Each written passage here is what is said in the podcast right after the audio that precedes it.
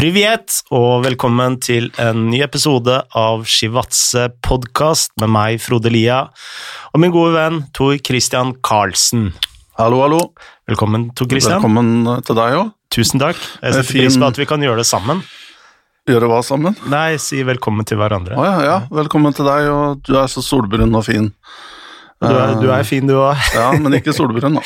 Nei, det er... Mye mer uh, ferie på deg. Har du ikke vært litt eh, rundt omkring i landet og Ja, altså først har jeg vært på en nordlandsturné. Så jeg har gått i fjellene i både Rondane og Dønna. Det er ikke Nordland. Nei, det er ikke Nordlandet, men eh, det er på vei opp, så vi måtte ha en stopp eh, på vei opp til Alt Dønna. nord for Sinsenkrysset er Nord-Norge! Ja, det er jo det vi oslofolk egentlig, egentlig mener. Er, det er ikke nok med at vi sier det, men vi mener det òg. Men eh, jeg har vært i eh, Rondane, og så målet var egentlig Senja. Men eh, så hadde kona mi familie på Dønna, så vi var og gikk i fjellene i Dønna og bada litt der. Og så gikk vi litt i fjellene på Senja. Mm. Og så var det fotballskole med CBK, den klubben jeg er, er med i, og så Det var kjempegøy. Stor suksess. Jeg så troppene dine. Kryssa gata på Tøyen der med fint utstyr og eh, masse unger som uh, løp rundt. Det var 120 barn, og det tror jeg er noe av det større st Blant de større fotballskolene i eh, Oslo-området eh, denne sommeren her. Eh, gratis og masse lek og moro. Jeg fikk eh, kjøkkenjobben, så jeg sto jo mest og smurte brødskiver til 120 barn. Hvordan var det her eh, en sånn, eh, et sånt arrangement oppi covid og alt dette her? Gikk det greit, eller? Ja, det gikk greit, men det krevde jo mye mer ressurser enn Altså kanskje dobbelt så mange ressurser som, som man kanskje hadde tenkt sånn i utgangspunktet. Og så blir det jo litt eh, mindre grupper, og, så det er en del sånne ting, da. Og så er jo, i og med at eh, alle ikke kan eh, sitte innendørs og spise samtidig, så var det jo en sånn stor logistikk på hvordan man skulle få til det. Hvordan man skal gi lunsj til 120 barn samtidig med litt avstand mellom gruppene og sånt. Ja. Så det gjorde jo ting litt mer komplekst, men heldigvis så var det fint vær, så eh, man kunne sitte ute og spise. Og det gryr på talentfronten på østkanten og indre sentrum, holdt jeg på å si. Ja, veldig, veldig. Ja. Eh, Det som eh, om, skal jeg si, overraska, eller i hvert fall det som var gledelig, det var jo at halvparten av skolen var jenter. Mm. Og da liksom jenter fra Tøyen, Grünerløkka, Vålerenga osv. Og, og eh, de gjorde det veldig, veldig bra. Så Meget bra. Det er jo Gratulerer. Vel overstått. Det er jo helt fantastisk initiativ, må jeg bare si. ja, og håper neste år så går vi for 200 barn. Eh, Men er, når du spør om dette med covid, det skal jo sies at Oslo fotballkrets har jo oppfordra klubbene til å ha arrangement i de månedene AKS og, og sånt eh, er stengt, så barna faktisk har et aktivitetstilbud på sommeren. For det, eh, nå har jo vi vært på ferie, men det er ytterst få som hadde mulighet eh, til å dra på ferie i år. Veldig mange permitterte foreldre. eh, nedskjæringer overalt. Så, og det merka man veldig på kroppen på, hos Mm. veldig mange foreldre. Ja, og sånne tilbud er jo ekstra velkomne i sånne tider. Ja. Og det ser man jo på tallene, og det var maks 120, var det ikke det? Og det fylte seg opp. Nei, det var maks 100, Oh, ja. og så var, blei det så trykk at eh, vi sa økte det med 20, og så fikk vi et ekstra rom, da, eh, i såkalte KN-huset på Tøyen, så vi klarte å utvide litt, men vi kunne ha fint hatt eh, rundt 150-160 barn. Så det var veldig mange barn vi måtte si nei til. Uh, ja. Så det Ja, det, det er jo trist, men, eh, men eh, alt i alt veldig vellykka og morsomt. Og særlig eh, siste dagen så hadde vi turnering. Og jeg, det var en sånn ting jeg var litt sånn skeptisk til. Det, er- det er jo veldig mange seks- og syv- og åtteåringer som egentlig bare er med på det sosiale. Så jeg var veldig redd for at det uh, var barn som skulle føle seg utafor når du begynte å spille og man uh, telte mål og sånt, men uh, det var kanskje det unga syntes var gøyest. Det var liksom å spille fotballkamper. Ja. Men du, hva har du gjort i sommer? Eh, ikke så mange spennende og samfunnsnyttige ting som deg, tydeligvis. Men uh, jeg har jobba. Um, stort sett. Og så har jeg, jeg var på besøk innom podkasten til Wolfgang Wolf Uncut uh, tidlig i måneden, eh, forrige juli, og satt der litt eh, og prata om Vi satt vel i nesten fire timer. Um, da var det jo 30 grader og Og jeg vet ikke hva I studio? Nei, der Nei. var det fint. Han har aircondition og ting. Alt i orden, Wolfgang. Det der borte på Telenor Arena, men eh, Men jeg vet ikke, det fikk mye Fikk mye rants da, ut av meg. Ja. Ukar ukarakteristisk, sa mye rart og sånn, men det var moro, moro å, være innom og se, se Wolfgang og prate med han. Eh, etter det så har jeg uh, jobba, som sagt. Skrive litt. Ja, du har vært veldig aktiv på skrivefronten. Ja, jeg har jo utgangspunktet en én sak i uka, men det blir jo mer noen ganger. Og, eh, og så har jeg hatt noen oppdrag. Jeg holder på med litt nå, som er litt i den retning vi skal prate om. Treneransettelser. Mm.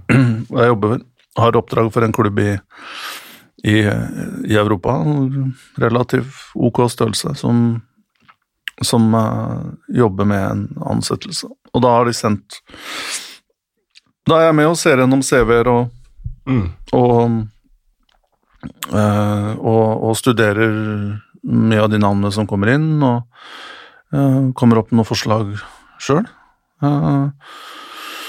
og så kjører vi da eh, nettkonferanser og Møter, og, og prater og sånn, og så og så lager jeg også rapporter da, som, jeg, som jeg sender over til slutt. Mm. Eh, og det er jo et arbeid som jeg syns er veldig moro å holde på. Bare at nå, i den perioden her, så blir det begrensa hva du kan gjøre av reising, og der det tidligere har vært naturlig å reise og møte folk, og ikke bare holdt på å si klienten i det tilfellet, men også kikke litt på kandidaten og treninger og lage litt sånn eh, ja, rapporter fra det du ser. Kommer du da mest med beskrivelser av det du ser, eller kommer du da med anbefalinger, eh, eller en kombinasjon av begge altså, deler? mest uh, i det tilfellet her, så er det jo utgangspunktet eh, CV-er som kommer inn, navn fra agenter, forskjellige kontakter. De gjør på en måte en pre-selection der først, så det er mange som faller fra som ikke kommer til meg. Og så er det kanskje noen de sitter igjen med som ikke kommer til meg heller. Det er jo jeg er bare en ekstern konsulent her. Um, det vet jeg ikke noe om, men de i hvert fall så sender de over eh, navn og CV-er og sånt til meg, og så går jeg gjennom og skriver på en måte, plasserer dem i kategorier da, som vi har. Hva slags type trener det er, og hva de representerer, og um, hva slags filosofi og tankegang, og litt på historikk og sånne ting. Eh, så rangerer vi dem etter litt forskjellige kriterier. Også og så, hvis vi kom Hvis det da etter en periode her viser seg at jeg har andre, liksom, innspill til andre, så, så kommer jeg med det òg. Mm. Kan jeg spørre, hvor mange kategorier eh, bedømmer dere da de ulike trenerne etter? Um, Eller er det mer sånne vage beskrivelser, sånn han Nei. er mer ballbesittende? eller- ja, altså det kan Under det igjen så har du subkategorier.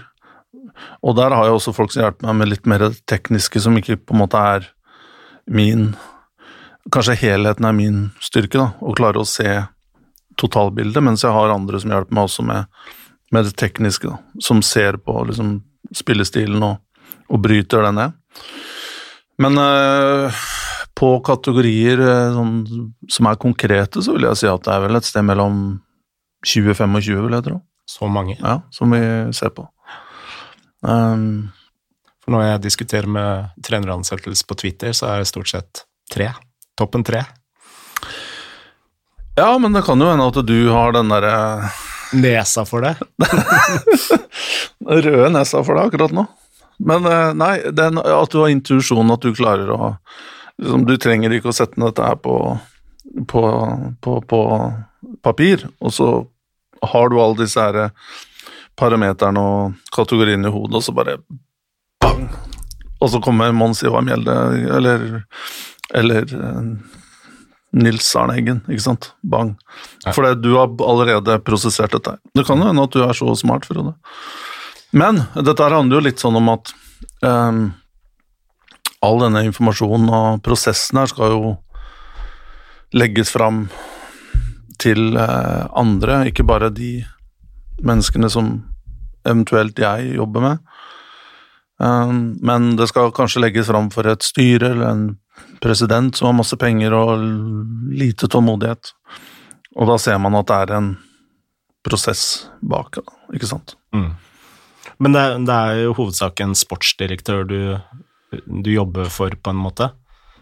Ja, jeg har jobbet for alt mulig slags eh, På en måte alt mulig slags linker har vært mine inn da, til klubbene. Mm, Det kan ha vært direkte fra en eier, eh, eller folk som jobber med eieren. Det kan ha vært en eller annen advokat som jobber med eieren. Det kan ha vært agent. Eh, Det kan være headhunting-selskap som begynner liksom å pløye den marka her nå, da. Mm. Eh, Det var to-tre selskap i London, blant annet, som bruk, kan ha brukt meg som en i deres arbeid. Da. Så jobber jeg på en måte for dem og ikke for klubben, i de tilfellene. Men noen ganger så er det direkte med styret i klubben. Eller også en eh, Eller eh, styremedlemmer eller noe sånne ting. Sportsdirektør er mindre vanlig, for de ønsker å på en måte kanskje ha kontroll over det her selv. da. Ja. Uh, og føler kanskje å da bruke en ekstern at de mister litt av sin ekspertise, ikke sant, så at det blir sett på kanskje som en liten svakhet å bruke andre, men jeg vet selv fra min egen bakgrunn at uh, det er nyttig å, om kanskje ikke bruke en konsulent øh, og skrive en kontrakt liksom, på det arbeidet, og gjøre det formelt, så er det i hvert fall ekstremt nyttig å ha en sparringspartner når du øh, snakker om Altså i det utrolig kaotiske øyeblikket da, hvor trener går, og du skal på en måte samle tankene for å finne en ny.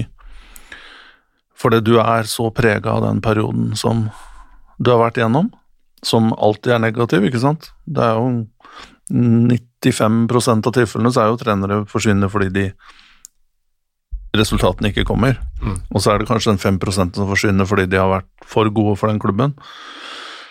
Men da er det mye enklere. Mm. Så det å ha en person som har litt erfaring med opp- og nedturer rundt trenere, som jeg vil påstå jeg har, Mm. I en sånn eh, i, en sånn tid, det tror jeg i hvert fall noe jeg har eh, brukt da, Ja. i mine tilfeller. Jeg tenkte vi skulle snakke mest om eh, norsk, norsk fotball i dag. Og når vi er inne på trenerbytter, så har det jo vært en, en rekke trenerbytter nå de siste månedene. Eller altså i hele 2020, egentlig. Um, og kanskje starte med det siste. Um, Lars Arne Nilsen har uh, måttet gå i, uh, i brann. Og dette, det, øh, dette er kanskje bare en liten detalj, men en ting jeg har latt meg merke i, det er at det ser ut som det er styret som på en måte leder det arbeidet med å, å, å anskaffe en ny trener, og det var det vel Jeg skal ikke si for sikkert i Vålerenga heller, men jeg hadde et inntrykk at øh, styret der også hadde to hender på rattet når det kom til den øh, ansettelsen der er det ikke egentlig naturlig at det er en sportsdirektør som leder det, det arbeidet med å ansette ny trener? Jo. Kan, kan jeg bare si én ting som jeg har tenkt på? Det er jo litt sånn som kanskje har vært litt sånn eh, rart i Rosenborg, det er at eh, sportsdirektøren på en måte ikke er over treneren i Mm. hierarkiet. Men vi kan jo komme tilbake til det, kanskje. Ja, okay. Starte med Brann, og så kommer vi vel over på Rosenborg. Riktig. Men uh, jeg, jeg tror at i Norge så er det, så er det jo Jeg snakka om det her, om det var Chivadze eller om det var Pyro med Morten. Jeg lurer på om det var i Pyro, ja. At det derre struktur sportslig, altså, eller organ, or, sportslig organisasjonsstrukturen på det i Norge er liksom fortsatt på et veldig sånn eh, veldig Noen syns å ha en veldig klar linje på det, og andre er, eh, er det veldig flytende. Men hvis man har en idé om at om at, uh, at sportssjef, eh, direktør, sportsleder, kall det hva du vil, er de facto Altså at, at vedkommende er uh, overordnet ansvarlig for det sportslige, så er det jo klart at da må man jo la vedkommende uh, lede treneren. altså han er da den treneren rapporterer til, og eh, sportssjefens ord eh, i eh, når, det- gjelder avgang og av, avsettelse og og ansettelse, er klart det bør veie ekstremt tungt. I utlandet så er det jo hvis en, en sportsdirektør blir eh, overkjørt i, i den, eh, de prosessene her, så tar man jo, tar man jo eh, farvel ofte. For da føler man at mitt konsept er ikke lenger det som gjelder, og, og da hva, hva gjør jeg her? Når det gjelder Brann, så vil jeg jo si at eh, av ansettelsen av ny trener, i hvert fall nå er det jo Hvor ferskt dette er, da? Det er 48 timer, kanskje? Men, eh, men den, eller ansettelsesprosessen virker det veldig tydelig på at det er Trond Nei, Trond er jo broren, ja. Eh, Rune Soltvedt. Trond Egil er broren. Eh, men det er Rune som eh, leder. Og Rune har vel kommet ut plutselig og står frem og, og var tydelig i går i, i media. Men det jeg stusser over, er jo at det er ikke Rune som har uttalt seg i ukene i forkant av det her. Nei. Og da er det styreformann eh, Eivind eh, Lunde, tror jeg han heter, som har vært, eh, vært ute og, og, og snakka. Hvorfor det har jeg ikke noe god forklaring på. Må være en, en eller annen intern ordning de har i, i Brann. Eh, eh, men eh, at, at styret Altså Brann er jo veldig spesiell, eh, et spesielt tilfelle. I fjor høst så var det jo en eh, Dette her vet jo alle nå som også har fulgt med rundt i saken her, men det eh, Evalueringen, altså som det så fint heter på norsk, av 2019-sesongen eh, eh, bar jo kom det jo fram at spillerne ikke hadde tillit til Lars Arne Nilsen, og de ønska et skifte. Mm. Eh, og Rune Soltvedt gikk mot den anbefalingen, og anbefalte til styret om at han skulle bli sittende, og etter det jeg hører, så var det fire mot seks som stemte for videre engasjement. Så det er jo på en måte ryddig, det, da. Da var det jo Rune som ja, Soltvedt som overkjørte, eller overkjørte, men han overstyrte spillernes ønske, som rett egentlig skal være. Mm. Det er, altså, en trener skal jo ikke sitte på nå, spillernes nåde. Altså, de, han gjør jo det til syvende og sist, fordi hvis spillerne kaster ned alt av, alt av instrumenter, så er jo konserten eh, over. Altså, enkelt og greit. Ja. Men en evaluering er jo ikke noe en absolutt liksom, som skal definere en eller andre. Det er vel mer en anbefaling og en stemningsrapport, da. Men eh, så, så Rune Soltvedt eh, investerte jo da tungt i Lars Anne Nilsen. Jeg har inntrykk av at det er han som fikk han dit i 2015, var det vel? Eh, også, eller om det var 2016, jeg tror det var 15. Um, så det er klart at men, men, nå er det jo ikke noe automatikk nødvendigvis i at hvis hovedtrener da går, uh, så må uh, Rune Soltvedt gå.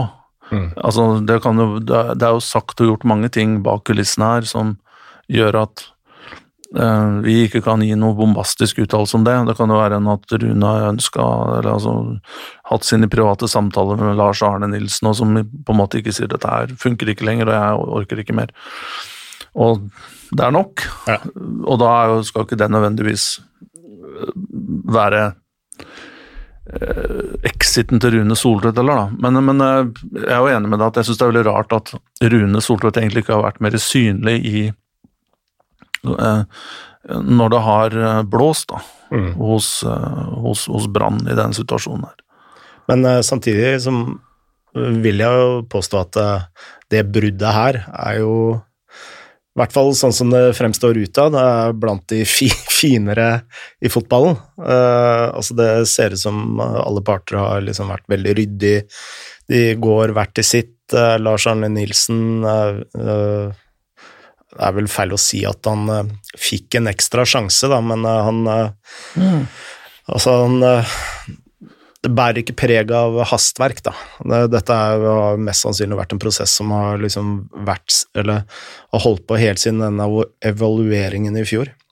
Men eh, når vi snakker om den evalueringen, da, det, det og når vi snakker om eh, treneransettelser og, og sette trenere i, i uh, kategori, så den bestillingen styret også kom med i fjor, om at eh, nå skulle Brann plutselig spille attraktiv fotball, Altså, Lars Arne Nilsen han blei jo henta for å tette igjen bakover. Mm. Fordi eh, det var et brannlag som eh, lå brakk i Obos-ligaen, som eh, slapp inn mål som Lillestrøm i år, nær sagt. da. og det gjorde den med stor hell. og, og sølv året etter, da. Sølv året etter, ja. og en bronse etter det. Så det har jo vært en eh, kjempesuksess, men eh, når styret da kommer inn og skal, uh, legger inn en, en, ny bestilling, nær sagt, da, om at nå skal Brann begynne å spille attraktiv, positiv fotball, så er jo ikke det bokser som Lars Arne Nilsen krysser av på. Det er ikke hans styrke, det er ikke det han kan, det er ikke det han står for. Så det var jo nær sagt en umulig oppgave for han å, å, å, gå videre på. Og der savner jeg litt sånn lederskap, da. Mm. At uh, når Lars Arne Nilsen var der i seks år Fem, tror jeg. Fem. Uansett, gjort en helt fantastisk jobb for, uh, for Brann. Og jeg må jo si at uh, av alle trenerne jeg har møtt sånn blant eliteserien og sånn, så uh, blei jeg liksom jeg, Når Lars Arne snakker og måten han ter seg på og sånn, jeg er så beundring for den mannen der. Mm. Uh, men samtidig så veit jeg at han er jo ikke Han er ikke den treneren som, som, som, presenterer positiv angrepsfotball. Da. Altså det, det, handler mer om å vinne dueller og de tingene der.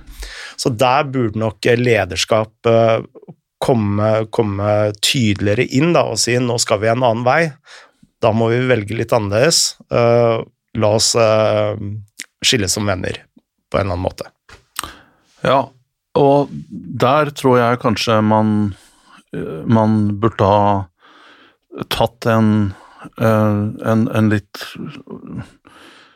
Hatt den store praten etter forrige sesong hvor, som var tung, vant knapt en eh, kamp på høsten der, og gikk på ganske ydmykende nederlag, og man kunne se at dette her er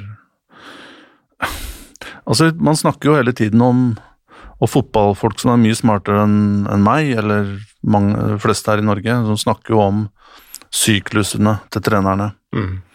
Og det er gjerne tre og halvt, fire år. Maks. Og du ser jo til og med, la oss si, best practice av Juventus som kvitter seg med trenere selv om de er de vinner ting. Fordi de øh, Ekspertisen har på en måte Og du, nå, nå har jo treneren en litt annen rolle i tallet. Jeg skal ikke gå helt bananas på Italia-kjøret her igjen, men der er jo altså strukturen og klubbene er så sterke og så mye kompetanse at treneren har en mye mindre rolle. Mm. Han er nesten bare en kampleder. Uh, og blir egentlig henta inn mest for det Altså de tingene han tilfører, altså rent samhandling, skape det på treningsfeltet og, og taktisk altså grep da, før kamper og og, og, kampledelse. Men her tenker jeg jo at, uh, at i slutten av uh, eh, 2019 så burde man kanskje ha sagt nå liksom, dette her har kommet til veis ende, og styret ønsker nå en, en retning, en, en annen uh, retning. Mm. Og da er jo klart, igjen så er jo Rune Soltvedt her Han er jo nøkkelen, fordi for det første så burde jo ikke styret per se og der er jeg litt enig med Thomas Høy, som også mente at det uh, er merkelig at, uh, at, at trenerne at, at, styrene legger så mange føringer på som Vi skal spille attraktiv fotball, ja, hva er det, da? Og hvordan kommer du dit? Mm. Det er jo en, uh, da må jo sportslig leder kalles inn, og så må man si at nå ønsker vi det på den måten her. Kan Lars Anne Nilsen utføre den, den ideen om eh, fornyelse som vi ønsker å gå gjennom. Eh, og så, så vet ikke jeg, det blir også hevda at eh, at uh,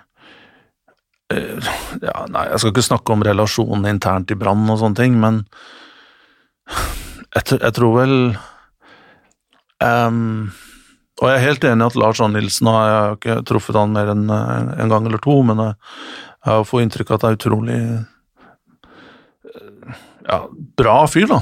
På alle måter. Og som er Fullstendig hel ved. Ja, og har null uh, nykker, null uh, bullshit, null uh, Altså bare en rett og slett bra fyr, og og så at Og, det, og det, det, det, ser man jo også i Bergen, at Og som du sier, den PK-en der i går, mm. hvor, hvor man legger det fram veldig ryddig. Um, nå føler jeg utfordringen, hvis du, hvis du, hopper videre til neste, da. Hva nå? Uh, så tenker jeg, jeg at uh, det minst interessante å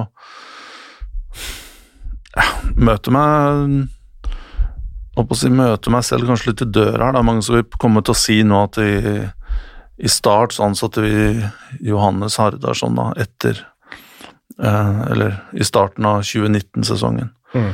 Eh, og det var en intern løsning. Um, og det funka, og han er en god trener og uh, Men jeg må jo si at vi så jo ting i han som gjør at at uh, vi tenkte uansett ganske langt tilbake på han som en framtidig trenertalent, og fulgte han opp med utdanningen og, og sånne ting.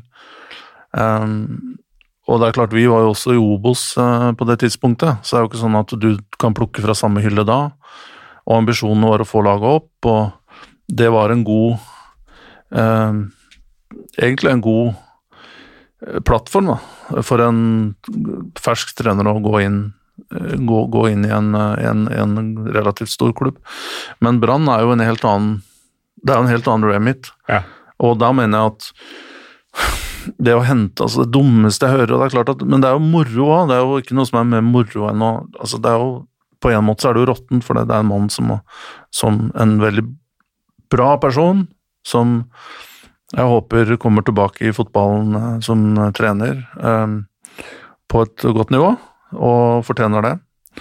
Bare presisere det først. Men det er jo på en måte For mange så er det noe av det moro, mest moro. Det er jo når en trener usikkerhet rundt det, og det er noe sånn sadistisk som kommer ut, uh, ut, ut, i alle. Og det ser man jo på når BT kjører.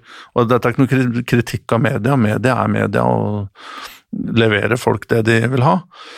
Men når BT står utenfor stadion der liksom i timevis og står og spekulerer opp og ned, og ja, hvem kan det bli nå, og ditt og datt, liksom det er jo noe primitivt da, som det appellerer til i, i oss, som ikke er en god, god eh, virtue i det hele tatt. Men la oss gå dit, da. altså, men eh, det jeg skulle fram til, er at det dummeste er liksom navn kommer ut, og ja, han og Og du liksom Og det er moro, det er underholdende, og det er jo en del av det å være fotballsupporter, det derre de spekulasjonene der i forkant av, av overgangsvindu, trener av påsettelser altså, men, det, men det meldes jo så mye rart, Mm. og dumt. Mm. Uh, og man kaster inn folk inn i, inn i balletten her fordi de har navn, uh, spilt for klubben. Jeg skrev også en tweet om at liksom kjenne klubben, og det er jo noe av det dummeste jeg hører, fordi kjenne klubben betyr jo at du også kjenner og er og har vært en del av alle de negative ting da, som gjør at klubben ikke er suksessrik. Men her kommer en av de største utfordringene. Og det tror jeg, og det gjelder ikke bare norske klubber, men jeg tror i Norge så er vi dårligst til å eh, håndtere akkurat det her. Og det er den der blindsonen du har for på en måte egne shortcomings. Og det at man er redde for å eh, eh, røre for hardt i systemene. Så altså få inn trenere som enten er for krevende, tenker på en annen måte enn deg selv, Mm. og, og kan eh, og representerer noe kulturelt noe annet enn deg selv. Det tror jeg vi er elendige på her i Norge. Og det ser man jo starter jo med NFF, med valg av landslagstrenere f.eks. Ikke, jeg sier ikke at det nødvendigvis er definerende for hvordan man jobber med fotball i Norge, for man, talentutvikling og sånt fungerer jo meget bra, syns jeg. Men igjen, man skal liksom ikke slippe til folk som er for selvstendig tenkende. Man henter eller en trener som er øh, har vært en del av systemet, eller er en som du skjønner ganske tidlig at han her vil ha en eh, god lønn med, med, masse, med, minst mulig jobb, og kommer til å lage minst mulig bråk i korridorene. Og sånn er det litt, tror jeg, i mange fotballklubber også i Norge, at du Det der oppgjøret du må ta da, med deg selv, og det her har jeg også vært gjennom blytunge prosesser med meg selv, hvor jeg har mine bias, og vet at eh, sånn, Det er ikke noe bedre enn å få en trener som gjør at du selv kan være i komfortsonen. Mm. Men det er ikke det som gjør deg bedre. Og derfor så ender man jo opp med disse der samme gamle navnene som, som uh, man vet ikke representerer noe som gjør at du må jobbe hardere, tenke på en annen måte, bli blottlagt på en eller annen måte. Altså, eller at det er noen konflikter, eller Mm. Men man skal ha folk som er går inn i systemet, da. Og det tror jeg er et problem i Norge. Det er et veldig godt poeng, men det må, må også sies da, nå har jo NFF eh, faktisk ansatt eh, Pimenta. Er, Ja, men nå snakker jeg om landslagssjef A-landslaget. ja, okay, Ja. Jeg snakka ikke om utvikling, det sa jeg, der jobber man godt. Ja. Og, og det er kanskje en av grunnene til at Leif Gunnar Smerud og Paco og disse her, at de, de, de jo, representerer jo den type tenkning som gjør at de faktisk tør å utfordre egne tanker. da. Men eh, når man eh, ser på sånn, en, en sånn bestilling som eh, styret til, eh, til eh, Brann gjør, da, og det er jo flere som uh, gjør den bestillingen, Rosenborg for eksempel. Så, så liksom uh, lastes hele den eh, haugen over på treneren, som at han skal uh, liksom plutselig forvandle et lag med et visst antall spillere sånn over natta. Og eh, før vi spilte inn her nå, så hadde jeg en liten gjennomgang av troppen til Brann. Og eh, jeg vet ikke om eh, du er enig med meg, men når jeg ser på den troppen der, da, så er det en tropp som kan gjøre ja, sjette, sjette, sjuende, femteplasser. Det er det jeg tenker når jeg ser den troppen til, til Brann. Veldig lite spisskompetanse, veldig lite X-faktor. Uh, dårlig forsvar, dårlig keeper. eh, og det, Voldsomt. ja, men, nei, men altså, når jeg mener dårlig, da, Ja. uh, selv med forhen, da, så mener jeg at det er i hvert fall seks lag i Eliteserien som har et bedre forsvar, en forsvarsfirer, jevnt over, enn det Brann har. Uh, det tror jeg ikke er veldig kontroversielt å, å, å si. Eh, Jeg er enig med deg, keeper er dårlig keeper. Både, men Oppdal er jo har jeg respekt for, men Ahmad er jo ikke, er ikke en god keeper. Det er jeg helt enig i. Og jeg er også enig at Forren-prosjektet her skjønner jeg ingenting av. Nei, men øh, poenget er da Det er sånn Har Brann egentlig øh, en tropp til å øh, Som at Lars Arne Nilsen kan spille den type fotballen det styret har? Jeg mener nei. Altså, ja og nei. Eh, De kan spille en mer eh, Altså, som vi så i 2018, så hadde, de- vil jeg ikke påstå at de hadde en mye bedre eh, stall. Um, de har, og de har også brukt, eh, brukt eh, Altså fått, fått de nye spillere Mm. og betalt for det. og etter den tid, og det X-faktor syns jeg det er bitte litt der. Eh, Bamba, Komson eh, Midtbanen er bra, vil jeg si, men det er kanskje at man har gått for litt endimensjonale spillere. og Lars, Lars Arne vil jo ha folk som er 1,80 og over det. Og, eh, men alt er jo relativt. Hvem blir nummer tre da, i Eliteserien, f.eks.? Mm. Altså, Molde og Glimt virker å være i en league of their own, og så handler det om hva er forskjellen på Vålerenga og, og Start, som er på kvalik? Er den så veldig stor? Det er jeg usikker på. Så den derre At Brann, ved å få litt mer Eller i kontekst av et Hater det ordet, bare presiserer en prosjekt som er Som folk tror på, og som er nytt, og spillerne backer, Mm. så er det jo klart at man bør gjøre bedre med det, med det mannskapet der. Jeg syns det. Mm. Men jeg er enig med at det har Midtforsvaret der har du jo prøvd å løse i, i mange år, år nå, og Koldskogen er spennende og, backer han. Mm. Men også noe av problemet er du inne på her at Brann har ikke klart å bygge en, en, en, en, en stall over tid hvor det er spillere som er på en måte sultne, som Molde har klart, da. Hele tida så er det spillere som kommer på vei oppover, når en peak sånn 23-24 år, og så er de nesten på landslaget og sniffer der, og så blir de solgt til utlandet. Det har ikke Brann klart. Koldskogen er nesten bare den første nå som man tenker at kan bli solgt. Mm. Og så har du Komson, da, som har hatt en fantastisk god sesong, men han er vel 5-26, han òg. Men at de underpresterer, det, det vil jeg si at de gjør, da. Men du trenger jo ikke å være enig med det.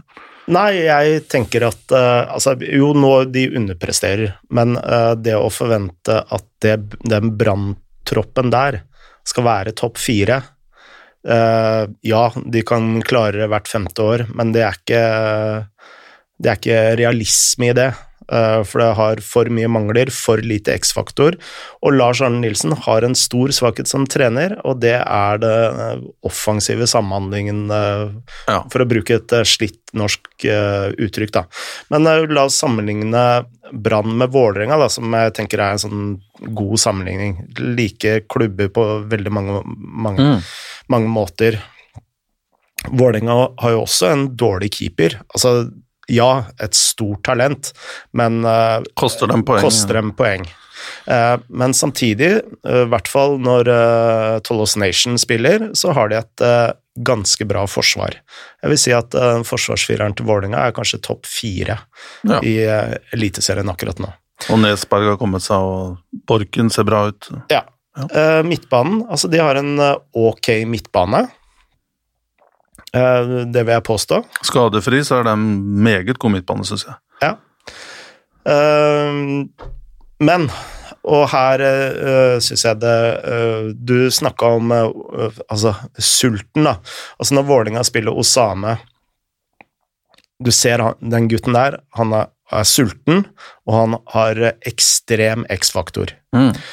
Dønnum har også til en viss grad, selv om jeg mener Dønnum er til en viss grad en litt oppskrytt eh, spiller, så har han et snev av X-faktor. Eh, jeg mener at de største stegene Dønnum har tatt, det er jo arbeidsraten. Altså han har blitt en arbeidshest, i tillegg til å ha litt X-faktor. Og det som skiller uh, Vålerenga og Brann kanskje aller mest, og det ironiske her, det er jo en del av spillet som uh, Fagmo har brukt veldig lite tid på gjennom vinteren. Det er liksom den offensive planen, da. Altså du ser ganske tydelig hva hva Vålerenga holdt på Ja. med trening, på treningene, og Absolutt. det gir uttrykk i kamp. Og det skiller jo også Brann og Men det er den derre X-faktoren, da, som jeg tenker Og et forsvar som, eh, som skiller de to klubbene. Ja. Um men eh, men eh, jeg, jeg vil ikke utelukke at jeg, jeg, jeg tror det, nå, nå slo Vålerenga Brann eh, på, på lørdag, var det vel, med to det lørdag eller søndag, to straffer. Så er klart at vi er også veldig Og Vålerenga tapte for et par uker siden 4-1 og hadde knapt skuddmål eh, mot Molde. Så det er lett å bli veldig sånn dratt inn i at formlag eh, Og så husker man også høsten i fjor, så, men Fagermo skal jo ha en del av æren her, da. Men uh, Vålerenga var jo også et lag som knapt vant en klubb etter sankthans i fjor. Mm. Det vant én kamp, tror jeg. Eller Ja. var det to Mm. på hele høsten? Så er det klart at det er også snakk om form, det, men det, det handler også om å få satt i et ordentlig klart system. Norske spillere tror jeg, og norske klubber er veldig sånn Kanskje mer enn andre steder avhengig av klare systemer og enkle prinsipper da, å spille etter. Um, men hva tenker du nå om Brann, da? Hvor, hvordan eh, ville du ha tenkt hvis du skulle lede an den jobben med å finne en ny trener? Ja, altså Vi skal jo snakke om Rosenborg etterpå, da, men uh, det jeg mener Rosenborg bomma veldig på når uh, de kvitta seg med Kåre Ingebrigtsen, som jeg mener også Brann ikke, ikke like stor grad bommer på, da. Det er liksom Du har en, du har en tropp, du har en forventning, og så har du en bestilling. Og de tre tingene, de må henge sammen.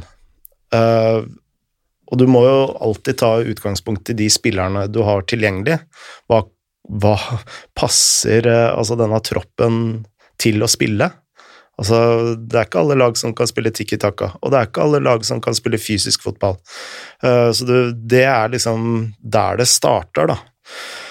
Uh, og når Lars Arne Nilsen fikk den bestillingen eh, han eh, fikk, så mener jeg det er en helt urealistisk eh, bestilling med tanke på den troppen de har, det laget de har.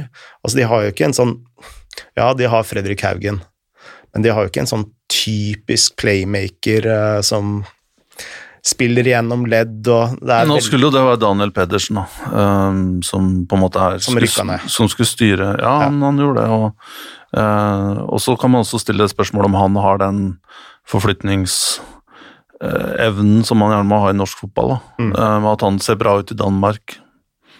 Helt ok i begynnelsen i Lillestrøm, og så var han dårlig på høsten i som resten av det, av, det laget. Men jeg tenker jo Nå avbrøt jeg deg, men øhm, hold tanken.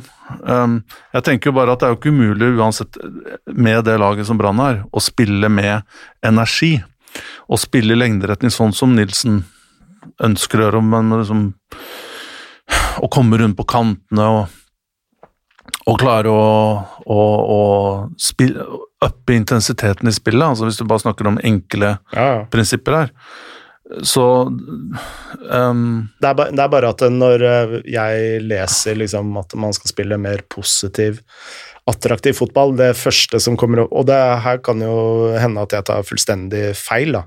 Men det, da tenk, det første jeg tenker på, er at man skal spille mer ballbesittende og ja. Ja, jeg, jeg tenker jo Nå er det jo eh, flavor of the month uh, igjen. Det begynner å bli mange months. Bodø-Glimt.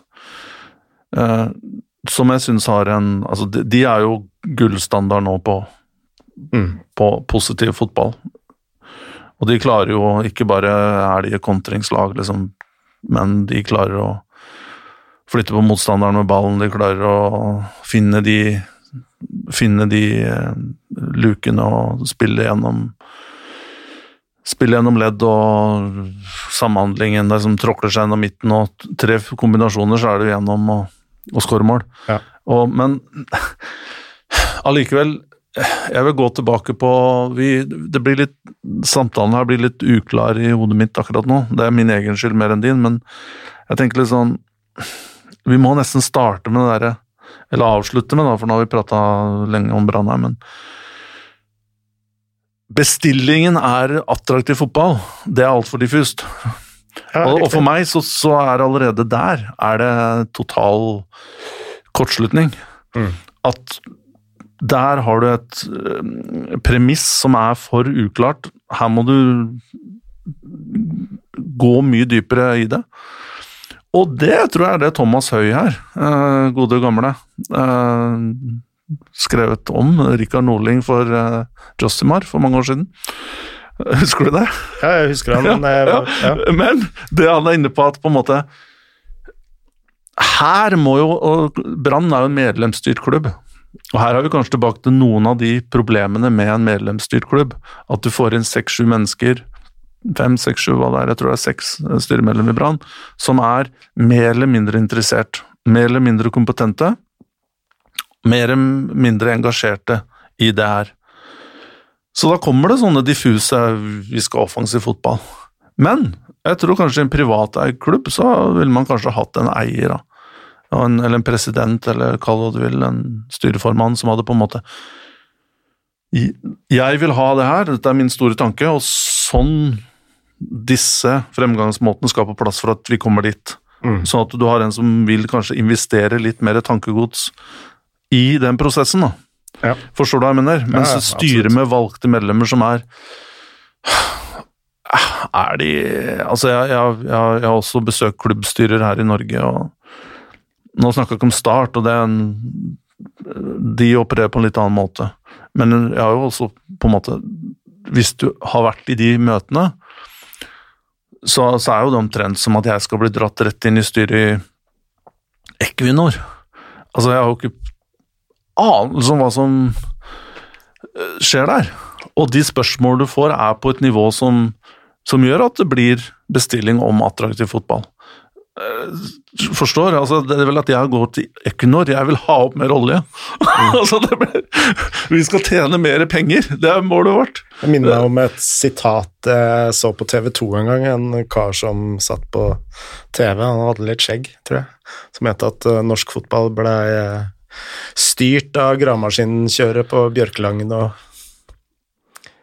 Ja. Øh, han hadde, var ikke så grå i skjegget, da.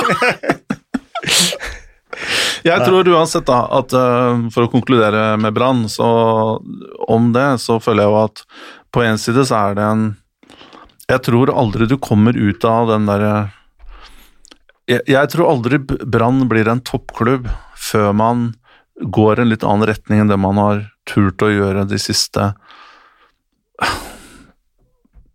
ti årene, da. Man turte kanskje med Nordling, Mm. og så var det feil mann. Han, han Merkelig nok, altså den eneste svensken som på en måte ikke klarte å gjøre seg forstått i Norge. Det er jo noe av det svenskene er flinke til, syns jeg. og Det er veldig klare og smarte. Og, men Nordling for meg var jo en tå- tåkefyrste, i hvert fall i norsk fotball. Eh, noe som de kanskje burde ha fanga opp da de, før de ansatte han, men det er klart, når du har vunnet to seriegull fersk fra Malmö og sier du er interessert i å komme, så er det jo vanskelig å, å, å løpe i andre retningen. Men, men nå, jeg, jeg tror aldri Brann blir det man altså Hvis man går for interne løsninger og sånn, da kan man ende opp med at du får en effekt. Gjør det bra på høsten, og så blir du stuck med den mannen. Mm. Og så vet du at på sikt så er ikke dette her sånn, Kompetansen er ikke der. Når du bytter imot, så ser du alle disse svakhetene kommer. Det, det er ikke Altså, fotball eh, Det å være fotballtrener, Eliteserien, er ikke en Det er ikke en eh, lekegrind, ikke sant? Det, det, det er, og du, du må ha erfaring, og om ikke erfaring, så må du i hvert fall ha veldig sterk kompetanse for å ta den jobben der, og spesielt med Brann. Ja. Brann er ikke Brann er en stor klubb. Men nå blir det mye eh, Thomas Høie-sitat her, men han var også kritisk til tidspunktet. Fordi øh, i og med at du sparker en uh, trener midt i sesongen, så får du den der faren med at du enten får en av de der gamle traverne inn, eller en intern løsning som man fort kan bli stuck med. Hva tenker du om timingen her? Nei, det har vi jo for så vidt snakka om, at timingen var jo fjor høst. Ja. Så, fordi alle pilene, og det, det handler ikke om etterpåklokskap, for alle sa jo, eller veldig mange, og de som følger Brann tett, som jeg også snakker med, sier jo at stemningen var at nå er syklusen ved sin ende, og vi må gjøre noe nytt. Mm. Så, men sånn ender det da opp når du på en måte Hvorfor det har blitt på den måten, kan ikke jeg svare på, jeg vil ikke beskylde noen og det vil jeg bare også presisere at hvis det er noen Jeg ønsker ikke å bli en person som uttaler seg offentligheten om ting jeg ikke kan stå for. Så det vil jeg også bare informere om at hvis det er folk gjennom den podkasten her som føler seg misrepresentert, så ønsker jeg at de tar kontakt med meg eh, på e-mail, og så kan jeg ringe dem opp. Og e-mailen er tkkarlsen at eh, gmail.com. TK Karlsen, altså to k-er i begynnelsen. Eh, andre og tredje bokstav. Um, så og det er veldig veldig viktig for meg, for jeg føler at nå er det, det er så mye mening, sladder, uh, ting som er basert på rykter. Uh, og hvis jeg faller i den uh, fella der, så ønsker jeg at folk må gjerne ta kontakt. det syns jeg er fair. Fair play. skal vi snakke litt om Rosenborg, for de har jo også uh, kvitta seg med en trener. Ja, det har du gjort uh, ofte. Siste, siden Kåre Engebrigtsen, så er det vel Er det to år siden? Ja. Så var det ja, så annethvert år, da. Mm. Og uh, her har jo altså Rosenborg har jo hatt en mye mer vokal styreleder, som, som i hvert fall etter mitt inntrykk har mye mer hands on styring enn enn uh, den jevne styrelederen i uh, Eliteserien. Og bare slenge ut en uh, tanke. Altså, han sa på pressekonferansen at Altså, man kom feil ut av hoppkanten med, med liksom Har han ikke da allerede på en måte sagt at dette var en gedigen tabbe? Med Hornland? Med Hornland og sparking av Ingebrigtsen og eh, Det må jo, kan ikke jeg svare på, men, men når det er sagt altså Mens Brann på en måte Der føler jeg at Jeg kommer til Rosenborg. I, mens i Brann så føler jeg på, på, på sett og vis at det er fornuftige, eh, smarte mennesker og jeg vil si det om Rune Soltvedt òg, som jeg kjenner og opplever som en klok, klok fyr. Og at, at de jeg, ja, på, Det er litt for, Det jeg vil stille spørsmålstegn ved med Brann, det er viljen til å fornye seg. Om de tør å ta de, de valgene som gjør at de blir en annen noe, noe, annet, noe grunnleggende. Mm. Rosenborg, så der, der, føler jeg at det, Jeg skjønner ingenting av det. Jeg skjønner ingenting av strukturen i klubben. Um, jeg skjønner ingenting av at hovedtrener var over, som du var inne på tidligere i sendinga, over sports... Og de kaller det jo sportsdirektør, til og med, mm. i organ, organisasjonsdiagrammet, kartet. Mm skjønner jeg ingenting av. Og det kom jo fram også i denne rettssaken mot Kåre Ingebrigtsen og Erik Hoftun, at så var tilfellet. Det, det, er det, det, får jeg ikke til å gå opp på noen som helst nivåer.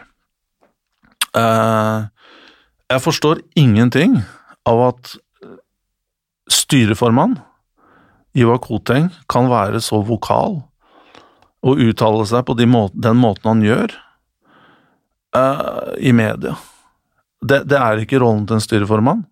Det er ikke, han har ikke, i mine øyne, kompetanse til å uttale seg om de tingene som han gjør. Og eh, jeg forstår ingenting av det. De har jo ansatt for et halvt år siden eh, Mikke Dorsin som sportsdirektør. Eh, Og han ser jeg kommer ut av spillebussen sammen med Trond Henriksen før kampene i joggedress og sitter på benken. Han har, nå blir kanskje han på tribunen i og med at de har ansatt nå en ny, ny eh, assistenttrener som talte alt overmål, og da sønnen til tidligere, altså Bjørn Hansen. Han satt på benken også under Horneland. Dorsin? Dorsin, Ja, ok. Eh, ja, det la jeg ikke merke til, men det, jeg syns det er veldig spesielt. Eh, og igjen, en som er spilleransvarlig, eh, presumptivt ansvarlig, vi vet jo ikke dette her. Eh, at vedkommende da er på benken og ser ut til å ha et ord med i laget når, når, eh, når spillestallen skal eller laguttaket skal tas, det syns jeg også er veldig spesielt. Det er jo en av grunnene til at man har den strukturen med sportsdirektør og hovedtrener, at det er på en måte en, en liten Schengen-grense imellom der. Sånn at, at sportssjef ikke skal påvirke for mye til laguttak, og at treneren kan tenke litt mer selvstendig. Så her, er det, her syns jeg det er så mye rart, og så syns jeg det er veldig spesielt. Dette her er Rosenborg.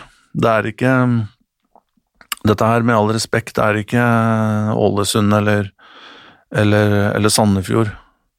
Det er Rosenborg, som er en klubb som har spilt slått eh, Milan og Real Madrid, har det vel også slått. Og som et, et, et, et lag, en klubbnavn som klinger rundt om i Europa, og som igjen bare kaster sesongen under bussen, som de gjorde da etter Kåre Ingebrigtsen måtte gå, og som man nå på en måte gjør igjen, da. Selv om det virker som at Åge Hareide på et eller annet tidspunkt kommer til å ta over her, men allikevel så er det jo Og igjen så er det veldig spesielt at han uttaler seg om, om den jobben her, og at det føres liksom kommunikasjonen her føres gjennom, eh, gjennom eh, medier. Det er jo spesielt igjen. Jeg syns det er så mye rart der at jeg klarer ikke helt å forstå hva skjer i den klubben. Mm. Jeg er helt enig, og det Altså, jeg har jo vært ute på Twitter og sagt at uh, sparking av Kåre Ingebrigts, Ingebrigtsen er kanskje den mest hårreisende fotballfaglige avgjørelsen som har blitt uh, gjort i norsk fotball på mange tiår. Og det handler ikke om at uh, jeg syns at uh, Kåre Ingebrigtsen er en så eminent trener, men det er argumentasjonen for at han måtte gå. Og argumentasjonen var jo at det ikke én, det var ikke noe utvikling. Punkt to, de hadde slutta å spille Rosenborg-stilen, og de ville tilbake med hardere trening, og uh, fordi de mente at uh, treningene til Kåre var for, uh, for slappe. Og det er jo greit å si, men som vi snakka om innledningsvis, så handler jo alt om kart og terreng, da. Punkt 1. utvikling. Ja, alle lag, selv de beste lagene, går gjennom perioder hvor man spiller dårligere. Det er akkurat som en aksjekurs. Den går litt opp, og så går den litt høyere igjen. Litt ned, litt opp. Nå skal det sies at eh, prestasjonene til Rosenborg hadde vært eh, det hadde vært en liten stillstand, men altså, vi snakka ikke om flere år. Vi snakka om en halv sesong og, og kanskje den siste måneden i fjorårets eh, sesong, så det var jo ikke en lang periode med dårligere, altså dårlige res resultater. Og jeg tror uh, den sesongen Kåre Ingebrigtsen blei ble sparka, så hadde de uh, spilt uh, 21 eller 23 kamper. Han hadde vunnet 15 av dem fire uavgjort og fire tap. Og valgt alle turneringer. Ja. Ikke Europa, skal sies, men ja, ok. Ja. Men eh, altså, det er en seiers, uh, seiersprosent uh, på 2,13, trodde jeg han uh, hadde når han eh, eh, fikk sparken. Og det var høyere enn det han hadde i år nummer to i Rosenborg, f.eks. Så sånn sett så kan man egentlig ikke ta Kåre på noe. Og Eh, jeg var jo intervjua Kåre året før han fikk eh, sparken, og, og allerede da så var det litt sånn murring om, eh, om gjennombruddshissighet og 4-3-3 osv. osv. Og han eh, fortalte veldig sånn inngående om utfordringene til Rosenborg. For det første så var jo kampprogrammet veldig tett, og eh, altså når du spiller Champions League, qualic, Mm. uh, cup, serie, så må du justere treningsmengden Mm. til det. Det vil si at uh, man eh, han ender opp med slappe treninger. Og nå, det, det morsomme her var jo at eh, det var jo keeperen som var me, mest vokal på at uh, trenings, treningsme, eh, altså treningsintensiteten var, eh, eh, var for lav, og det syns jeg er også ganske morsomt. Men Kåre Ingebrigtsen var krystallklar på at uh, Rosenborgs største utfordring som lag, det var at eh, motstanderne ofte kom til Rosenborg og la alle mann i forsvar. Og da blei de største utfordringene til Rosenborg, det var kontringer på sine egne kontringer. Ergo Rosenborg måtte videreutvikle den delen av spillet hvor de hadde ballen i laget. Og det er et argument jeg kjøper. For i det momentet Hornland blei eh, dratt inn, og hvor man skulle spille ballen fremover til enhver pris, eller for enhver pris, eh, så øker du også risikoen. Og det er jo Altså, den delen av spillet hvor man har ballen i laget, det er jo den delen av spillet Hornland også ikke fikk til i, i Rosenborg. Altså, nå ser du et Rosenborg-lag som egentlig ikke henger sammen, verken i presspillet eller det man gjør med ballen. Jeg lurer på om det var Konradsen jeg, som eh, sa i et intervju eh, forrige uke at eh, hver gang jeg hadde ballen, så så jeg bare ryggen til, til mine medspillere, og det illustrerer veldig godt. Så der jeg mener Koteng og Rosenborg bomma, da, det er selve bestillingen. Altså, du kan ikke lage et styrevedtak på at eh, man skal spille 4-3-3, man skal spille utprega gjennomsbrutt sissy, man skal uh, ha høye treningsdoser, og så ender man i en situasjon hvor uh, store deler av troppen er skada, som uh, Rosenborg faktisk har slitt med etter at Hornland kom, uh, kom, kom inn. Har jo slitt med skader Mm. på nøkkelspillere. Eh, Og det er der liksom du ser at Koteng ikke har veldig sånn fotballfaglig forståelse, eh, med tanke på, tanke på eh, spille Altså, han uttaler seg så bastant på spillestil, Mm. på treningsintensitet, treningsmetodikk, taktikk, you name it. Uh, Altså hvis Jeg tror um, Når det er sagt, så har jo nå, nå har jeg ikke oversikten her, og jeg burde ha forberedt meg på det, men uh, de pleier å ha en eller to eks-Rosenborg-spillere i styret. Om det var Rune Bratseth eller om det er Vega Hegge mellom Fredrik Vinsnes, eller i hvert fall. De har hatt folk fra tidligere, altså den perioden. mm. Uh, og jeg tror de har det fortsatt. Jeg tror en av de jeg nevnte, sitter i styr. Hvis ikke, så må dere ha, ha meg unnskyldt. Men Og da lurer jeg litt på hvorfor Hvorfor eh, Hvorfor man ender opp uh, der man er. Um, og jeg er også enig med deg at eh, Koteng er Altså igjen, tilbake til det jeg sier at Koteng opp, i mine øyne opptrer jo som en uh, Aurelio de Laurentis eller en James Palotta, eller altså styreformenn i Italia som er altfor profilerte. Mm. Um, og vet det selv, bare at ego klarer ikke å som du, Ego klarer ikke å holde seg, da. Det må bare ut og, og vise seg fram og, og, og, og, snakke Og det er jo en eh, Ja, eh, de jeg snakker om her, da, har jo veldig mye penger, og det virker jo som at eh, fordi du er en suksessrik forretningsmann, så tror du nødvendigvis at du kan bare overføre den, den eh, eh, kompetansen og kløkten over på fotball, og så liksom bare gir du totalt F da i alle de prosessene og folka du på en måte drar ned ved å være så fremtredende selv, og at du underminerer den, det hierarkiet og respekten som det bør være innenfor en organisasjon, Mm.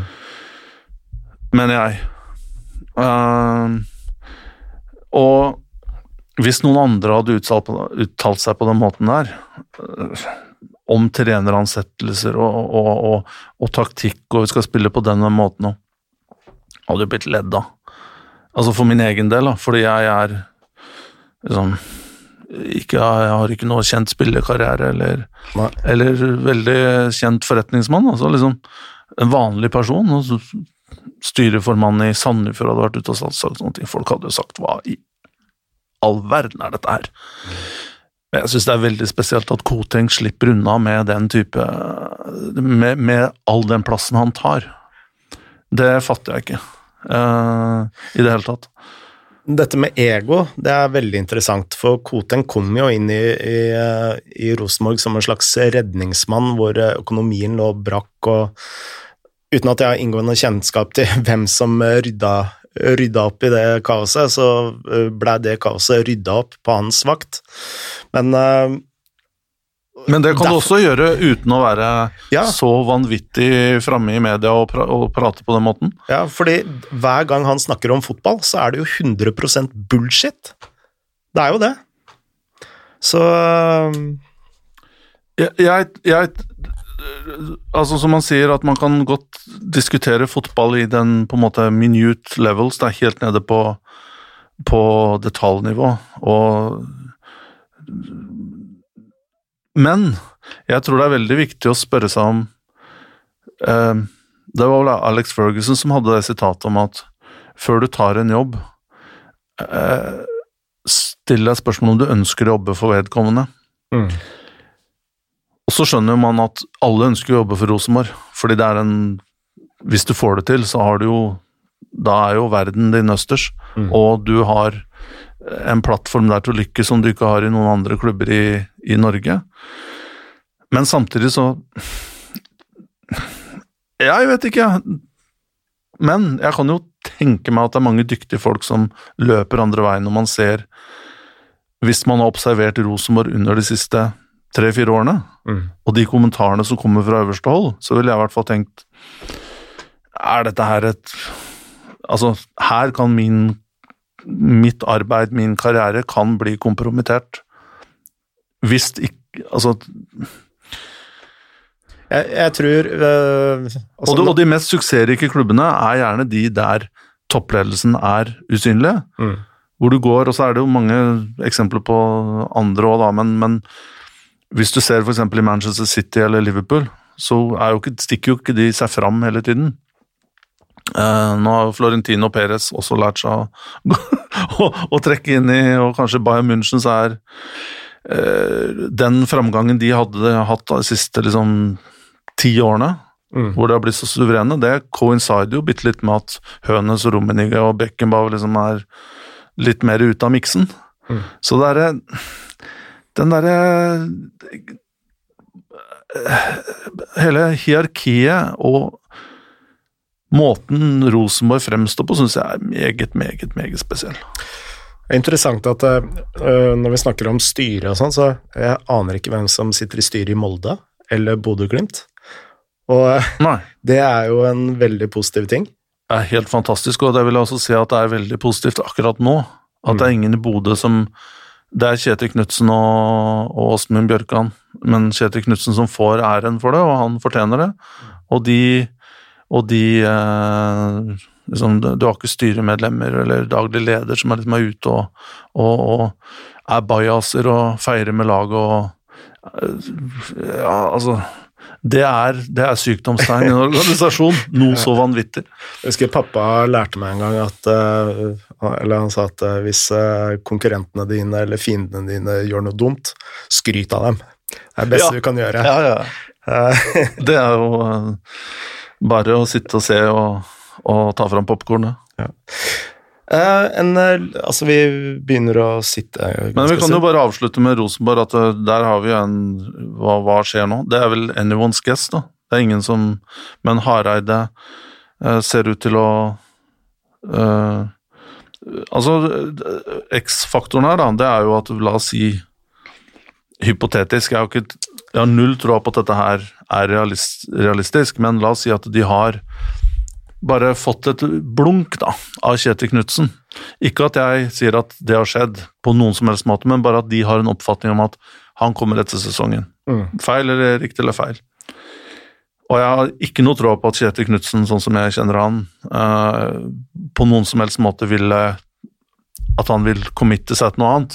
Han har fokuset 100 Mm. på Bodø-Glimt, og så profesjonell er han. Og igjen superryddig type. Um, men at La oss si at Rosenborg har den oppfattelsen, da, at han kommer, så vi kan på en måte kaste den sesongen her under bussen. Så ville man jo kanskje tenke at det er verdt det. Men samtidig så er det rart at Rosenborg har to sånne sesonger på tre år.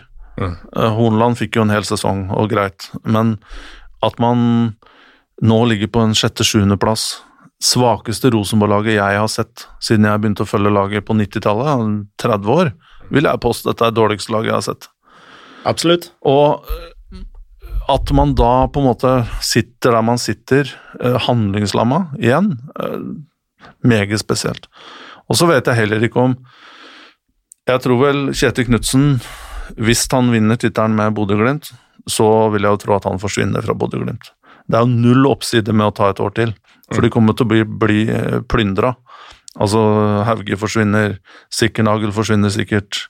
Eh, Bjørkan kanskje, Runa eh, Patrick Berg. eh, Lode kanskje, ikke sant. Det, sånn er det jo med små klubber som er suksessrike, det blir jo plyndra. Eh, og da liksom starte opp igjen eh, Det er jo ingen oppside han å bli der da. Men, men, men å da gå på Rosenborg, vil jeg Jeg ville i hvert fall tenkt Har jeg lyst til å For å være ærlig, da. Har jeg lyst til å jobbe med Koteng? Har jeg lyst til liksom å gå inn i det her med den mangel på tålmodighet?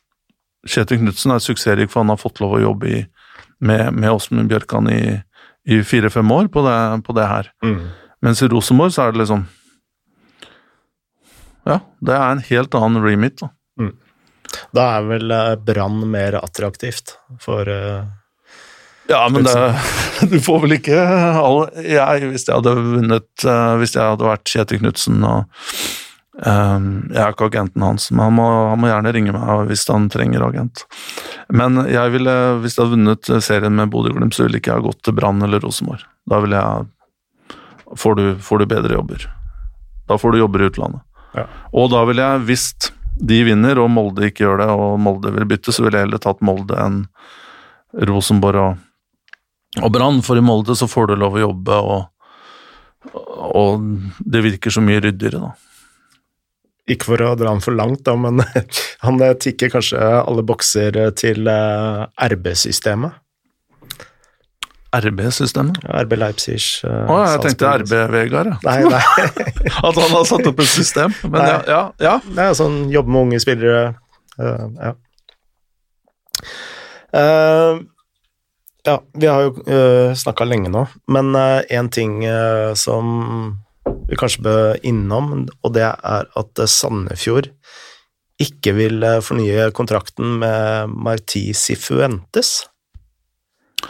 Kan være at eh, det er Marti som heller ikke vil eh, Men eh, sånn det har kommet ut i media, så er, er det sånn Ja, jeg, har- jeg har også lyst til å slå opp med Scarlett, and, Scarlett Johansen. Ja, ja ikke sant? Det er jo litt sånn her. Det var ikke, det var ikke jeg som det var, ikke, det var jeg som gikk fra henne. For uh, en mer over... Altså, etter de serierundene vi har spilt i nå, et mer overpresterende lag enn Sandefjord, som slår Molde hjemme.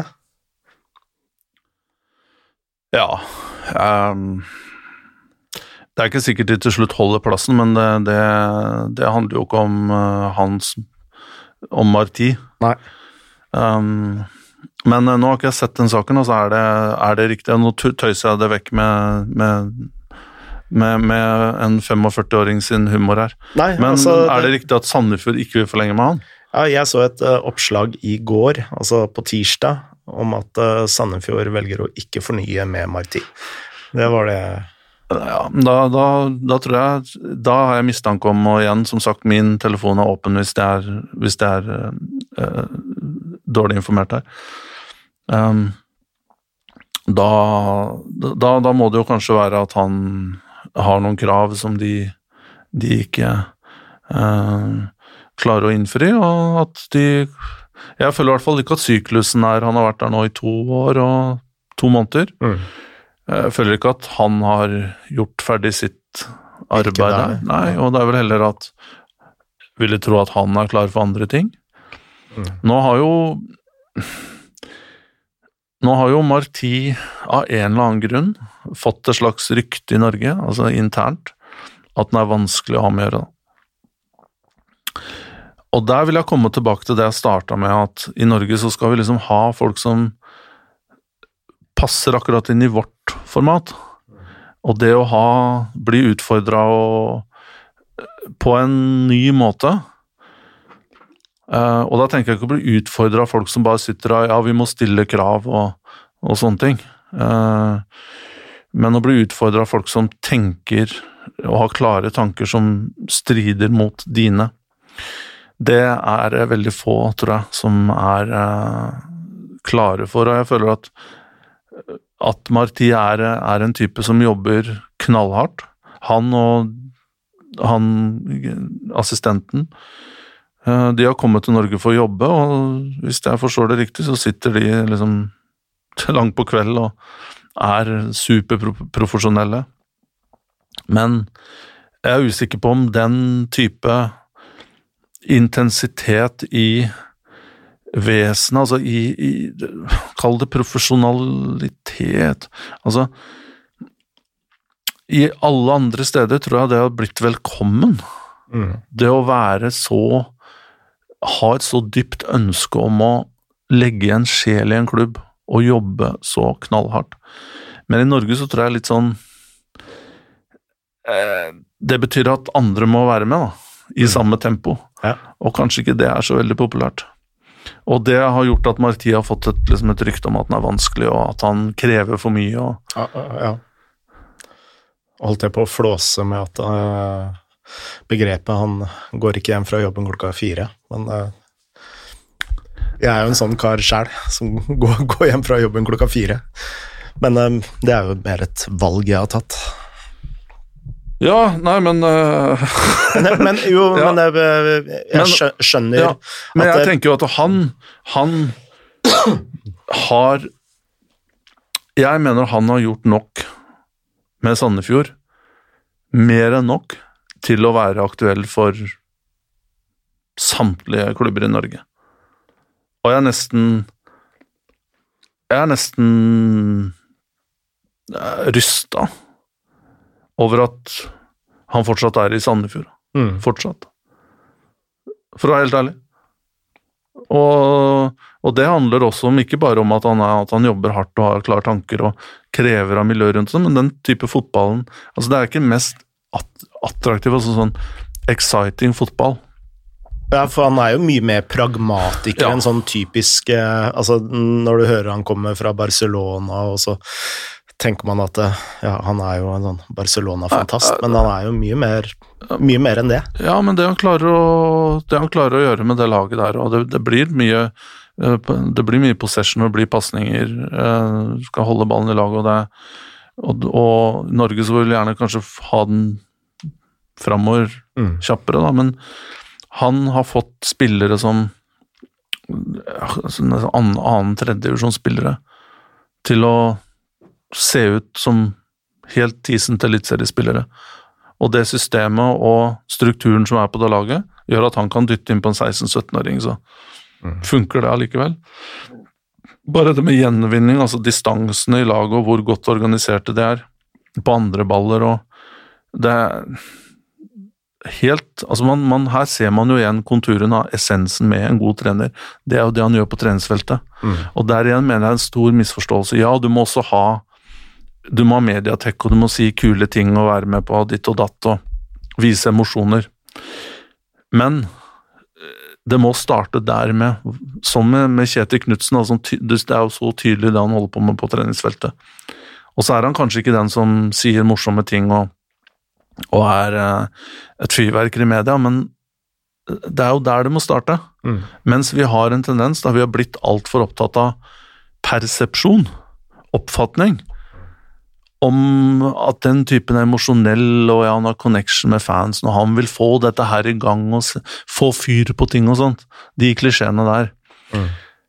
Men for å starte, eller avslutte med starten, da. Det er jo faget og den analysen der som er skritt én. Og så alt det andre er liksom fint. Må gjerne være karismatiker og en kul fyr og og ja ta, av deg skjorta foran fansen og Men liksom Det er ikke det viktige her. Da blir du, da blir du avkledd, bokstavelig talt. Starte med faget. Jeg syns det er en fin, eh, fin eh, avslutning, jeg, Tor Christian. Eh, Vi kommer jo selvsagt ikke gjennom en tredel av lista, lista mi engang, men da får det bare bli en episode til. Ja, eh, vi sparer eh, Vi sparer eh, eh, innspillene vi til neste uke. Supert. Da sier vi egentlig bare som vi alltid sier. Das vedanja.